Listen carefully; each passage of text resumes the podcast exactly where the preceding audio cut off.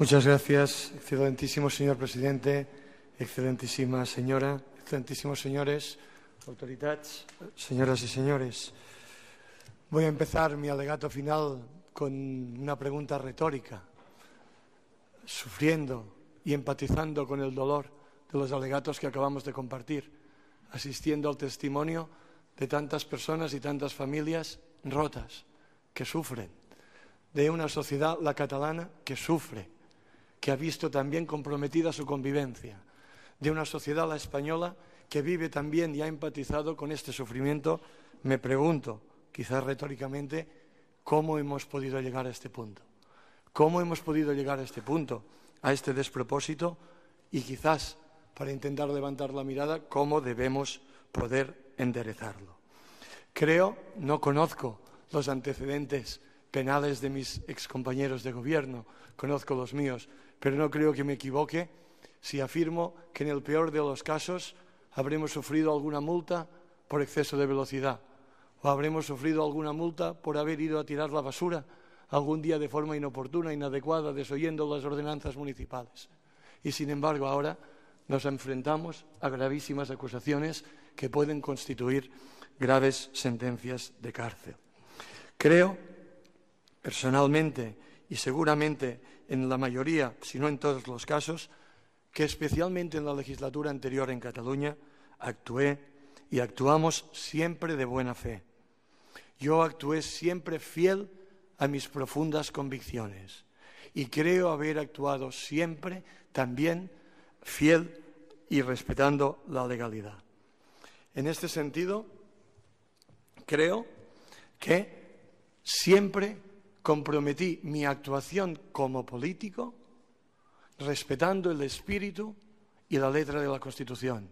El espíritu y la letra de la Constitución de 1978, aquella que definió España como una nación, pero como una nación de naciones, para describirlo en terminología constitucional, de nacionalidades y regiones. He procurado ser fiel a esta convicción y lo he defendido en privado y en público por defender esta lealtad a la Constitución, he recibido también mis palos en Cataluña, he recibido también mis hachazos al reconocer que veía en el Tribunal Constitucional un árbitro y al oponerme firmemente siempre a cualquier tipo de decisión unilateral. Pero esto, insisto, siempre fue compatible con una convicción íntima de que Cataluña es una nación y de que España debe poder hacer de su diversidad, también nacional, un valor y no un problema. Lo habíamos conseguido hasta la fecha, hasta una fecha bien reciente. Creo también que no fue ingenuo, no fue una ingenuidad pensar que finalmente el diálogo y el acuerdo entre el Gobierno de España y el Gobierno de la Generalitat de Cataluña sería posible. Como afirmó el Lendakari Orgullo, como ha acreditado eh, con su testimonio, pero también documentalmente en el archivo de Poblet, el acuerdo estuvo a punto de ser posible.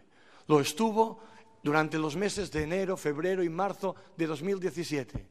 Y muchos de mis compañeros lo intentaron y yo mismo personalmente intenté este acuerdo con el Gobierno de España para evitar el colapso o la crisis institucional que sufrimos en octubre.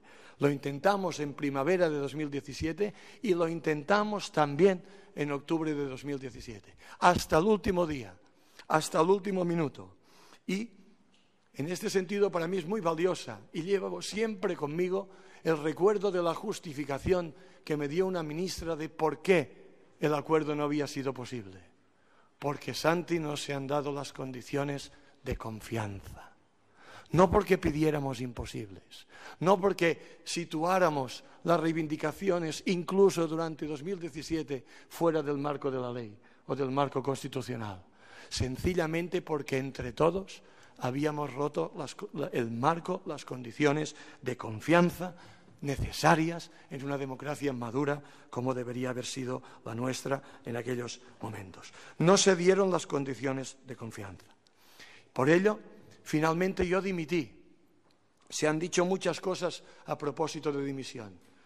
En ningún caso dimití porque yo temiera que mis antiguos compañeros de gobierno fueran a cometer alguna ilegalidad. También, para citar de nuevo y sumarme las citas a Kelsen, estaba convencido, a la vista están los hechos en esta legislatura, de que ninguna de las iniciativas que se tomaran podrían tener eficacia o validez alguna. Estaba absolutamente convencido de que no las tendría. Pero dimití frustrado porque constaté que el presidente, el muy honorable presidente Carles Puigdemont, no estaba en condiciones, no podía o no quería convocar elecciones al Parlamento ajustadas a derecho. Por eso dimití. Y en este sentido, solo quisiera aprovechar este alegato para incorporar dos reflexiones finales.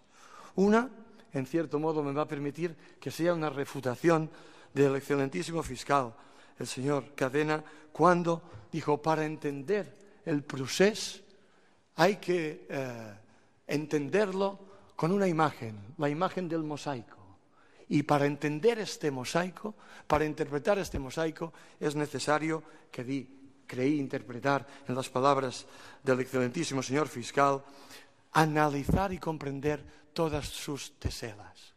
Quizás no es una reflexión seguro que no lo es jurídica, quizás no lo es ni política, tan solo lo es académica, por muy antiguo papel como profesor de historia contemporánea en la universidad. Ojo con cometer el error del anacronismo, del presentismo, de creer que hay una secuencia lógica entre acontecimientos cuando sabemos cómo acabaron aquellos acontecimientos.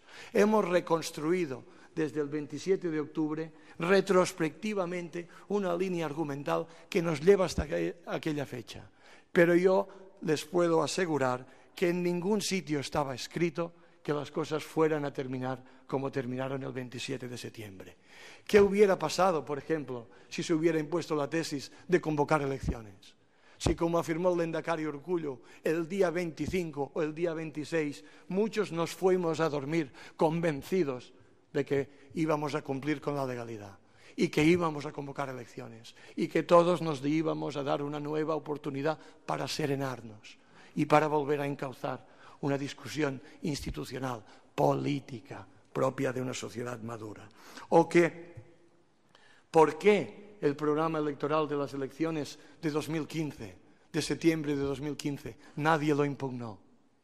¿O por qué el fatídico, el desdichado día en el Parlamento 6 y 7 de septiembre, de infausta memoria, efectivamente. Lo hemos dicho públicamente muchos y creo que hoy todos estamos de acuerdo.